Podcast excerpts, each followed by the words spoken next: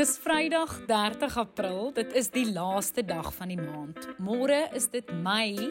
Dit is ook vandag die 10de nuus met Spies episode. Baie dankie vir die saamluister die laaste 10 weke. Dit was weer 'n besige nuusweek gewees. Dit was natuurlik Vryheidsdag Dinsdag toe die eerste demokratiese verkiesing 27 jaar gelede herdenk is. So hier is jou weeklikse nuus met Spies potgooi, 'n bondige nuusoorseig met my Mia Spies. In die hoofopskrifte hierdie week was president Cyril Ramaphosa wat voor die staatskapingskommissie getuig het, sowel as oudminister Malusi Gigaba se vervreemde vrou Noma Ngoma wat ook voor die kommissie verskyn het. Dan was Suid-Afrika se planne om Kubaanse ingenieurs in te voer om ons waterkrisis op te los, ook in die hoofopskrifte. Ons kyk ook waarom Mango Lugdiens se vlerke geknip was hierdie week. En dan is die gebruik van die Johnson & Johnson en stof hierdie week hervat. En laastens spog Suid-Afrika met nog 'n goue Oscar-beeltjie danksy my octopus teacher. Laat ons begin met president Cyril Ramaphosa se verskyning voor die kommissie van ondersoek na staatskaping. Hy het hierdie week in sy hoedanigheid as leier van die ANC getuig. Ramaphosa het erken dat die ANC nie genoeg gedoen het om staatskaping te hanteer nie dan is daar ook gefokus op onder meer kaderontplooiing en partybefondsing.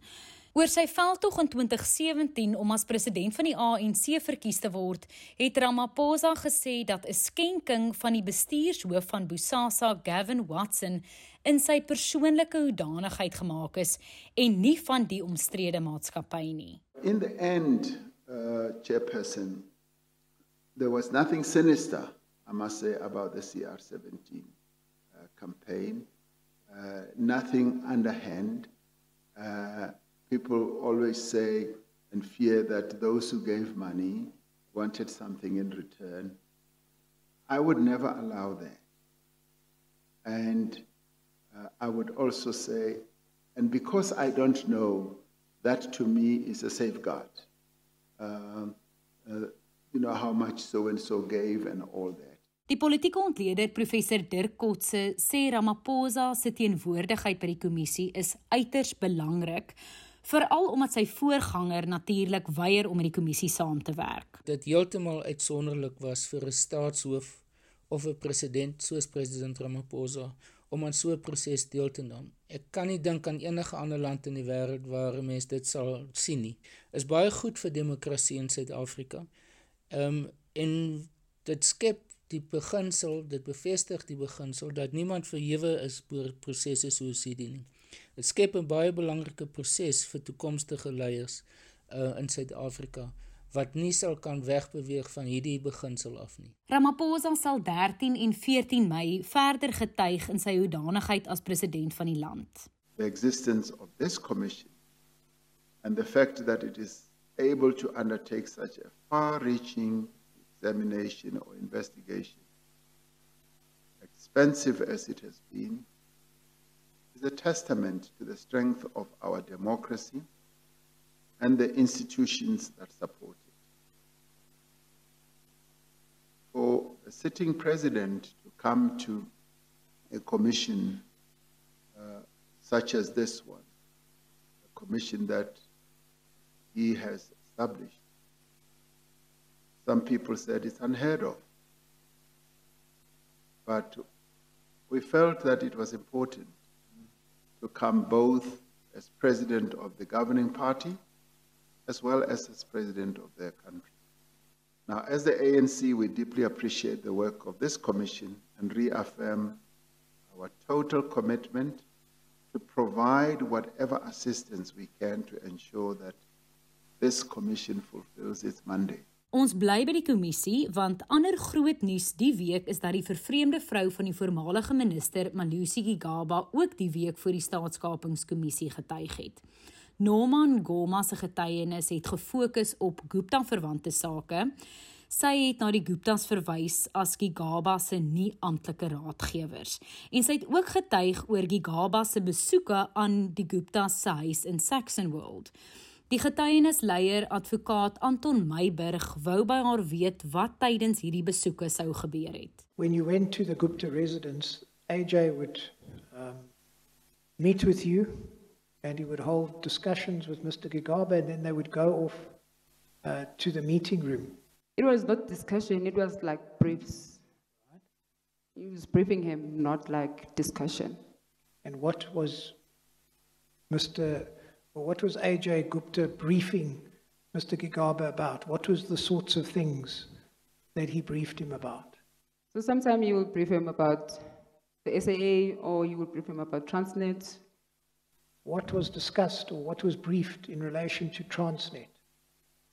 Most of the time in Transnet, it will be the people that AJ feels like they need to be appointed or need to leave or need to, maybe they're restructuring. During these briefing sessions, did you ever hear any mention made of ESCOM? Yes. So gepraat van die Guptas, Brittanje het sanksies teen AJ, Atul en Rajesh Gupta en ook hulle sakevernoot Salim Essa ingestel. Hulle is deel van 'n groep van 22 mense teen wie Brittanje sanksies ingestel het wat by onder meer ernstige korrupsie oor die wêreld heen betrokke was. Dit beteken onder meer dat hulle nie meer daardie land mag besoek nie en dat hulle bates in Brittanje gevries word. Nou na ander groot nuus hierdie week en dit is die regering se Kubaanse ingenieursprogram om die waterkrisis hier op eie bodem op te los. Die minister van menslike nedersettings, water en sanitasie, Lindiwe Sisulu, het aangekondig dat 24 ingenieurs van Kuba na Suid-Afrika toe gebring gaan word om ons te help met ons waterinfrastruktuur uitdagings. En dit gaan die land 65 miljoen rand kos. Dit het natuurlik groot kritiek ontlok en ook vrae laat ontstaan oor hoekom Suid-Afrika nie hulle eie kenners hiervoor kan gebruik nie. Sisulu het daarop geantwoord en gesê daar is eenvoudig nie siviele ingenieurs in Suid-Afrika se privaat sektor wat 3 jaar lank in landelike gebiede sal woon om hierdie krisis op te los nie. Dan is passasiers van die Mango lugdiens hierdie week gestrand gelaat toe alle Mango vlugte tydelik gekanselleer was. En dit was weens agterstallige skuld by die lughawensmaatskappy van Suid-Afrika.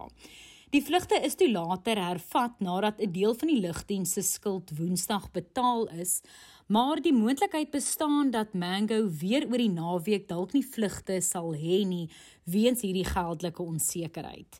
Mango se bestuur het gesê hulle vergader met die nasionale tesourie om 'n oplossing te probeer vind. Mango is 'n filiaal van die sukkelende staatsbeheerde lugdiens SAL.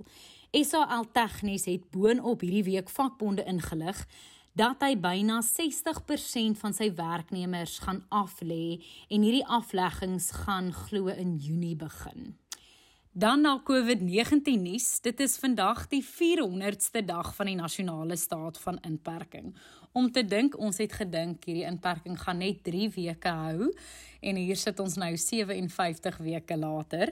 Daar is egter goeie nuus. Die departement van gesondheid het hierdie week die Sisonke inentingsprogram hervat en dit is nadat die Suid-Afrikaanse Gesondheidsprodukte Reguleringsowerheid die groen lig gegee het vir die gebruik van die Johnson & Johnson instof.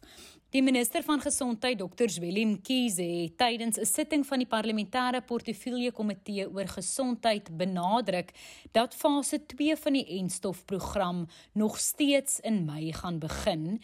Die departement het ook hierdie week bevestig dat die enstof gratis sal wees vir alle Suid-Afrikaners. We do want to indicate that phase 2 is starting on the 17th as indicated 17th of May as indicated. We also uh, we indicate that uh, anytime now we're expecting the Johnson and Johnson vaccine to land here. We know they've been manufactured, they've, they're packed and ready. They were just waiting for the final audits that were being done by Johnson and Johnson globally so that they can release our batches. Mkhize het ook gepraat oor Indië se COVID-19 krisis en kommer daaroor. The work on the modeling for the third wave uh, is being done. Uh, everything about it uh, uh, remains uncertain, but basically as to when it's going to arise and how bad it's going to be, although there are indications that uh, it's not likely to be bigger uh, than the, to be worse than the, uh, than the, uh, uh, the, the, than the second wave, and that is probably likely to be a bit less. Nevertheless, what we would like is a situation where we vaccinate as many people as possible and uh, without being really troubled by worrying about next wave. But we are noticing that there are a number of countries that are going through these waves. Uh, and some of the people have made comments about uh, the uh, concern of people coming from India. Uh, and of course, we've just been monitoring that situation. We don't yet have any indication that uh, there's a direct risk to South Africa. Uh, in this regard. Die daaglikse COVID-19 gevalle in Indië het hierdie week die 370 000 kerf oorskry en meer as 3500 sterftes is op 'n enkele dag in hierdie land aangemeld. Dan laastens loop Suid-Afrikaners natuurlik nog steeds op die wolke en dit is nadat die dokumentêre rolprent My Octopus Teacher wat in die Kelpwoude aan die Kaapse kus vervilm is, die eerste Suid-Afrikaanse fliek geword het om 'n Oscar toekenning vir 'n vollengte dokumentêr te wen. Die twee regisseurs, Pippa Elrich en James Reed, het Sondag aand die goue beeltjie tydens 'n glansgeleentheid in Los Angeles ontvang. Thank you to the Academy. Um, um, if, if, in many, and I know there are many South Africans who are awake in the middle of the night to watch the ceremony. And in many ways, this really is a tiny personal story that played out in a sea forest at the very tip of Africa. But on a more universal level, I hope that it provided a glimpse of a different kind of relationship between human beings and the natural world. Dis my storie vir die week. Ek wil net laastens noem dat 'n koue front van vandag af oor die land beweeg en bibber weer na groot dele van die land gaan bring oor die naweek en selfs sneeu in hoogliggende gebiede. So hou maar die komberse naby, steek 'n kaggeltjie aan en deel asseblief hierdie pot gooi met ander mense op Facebook of op Twitter of selfs op WhatsApp. Kopie net die link in hierdie plasing. Nuus met Spies is 'n produksie in samewerking met die Potgooi Produksiehuis Volume. Ons vervaardigers is Roland Perolt en Andy Siwe May en hierdie lekker liedjie is deur Curtis Kahl gekomponeer. Ons gesels dan weer in Mei. Lekker naweek hou.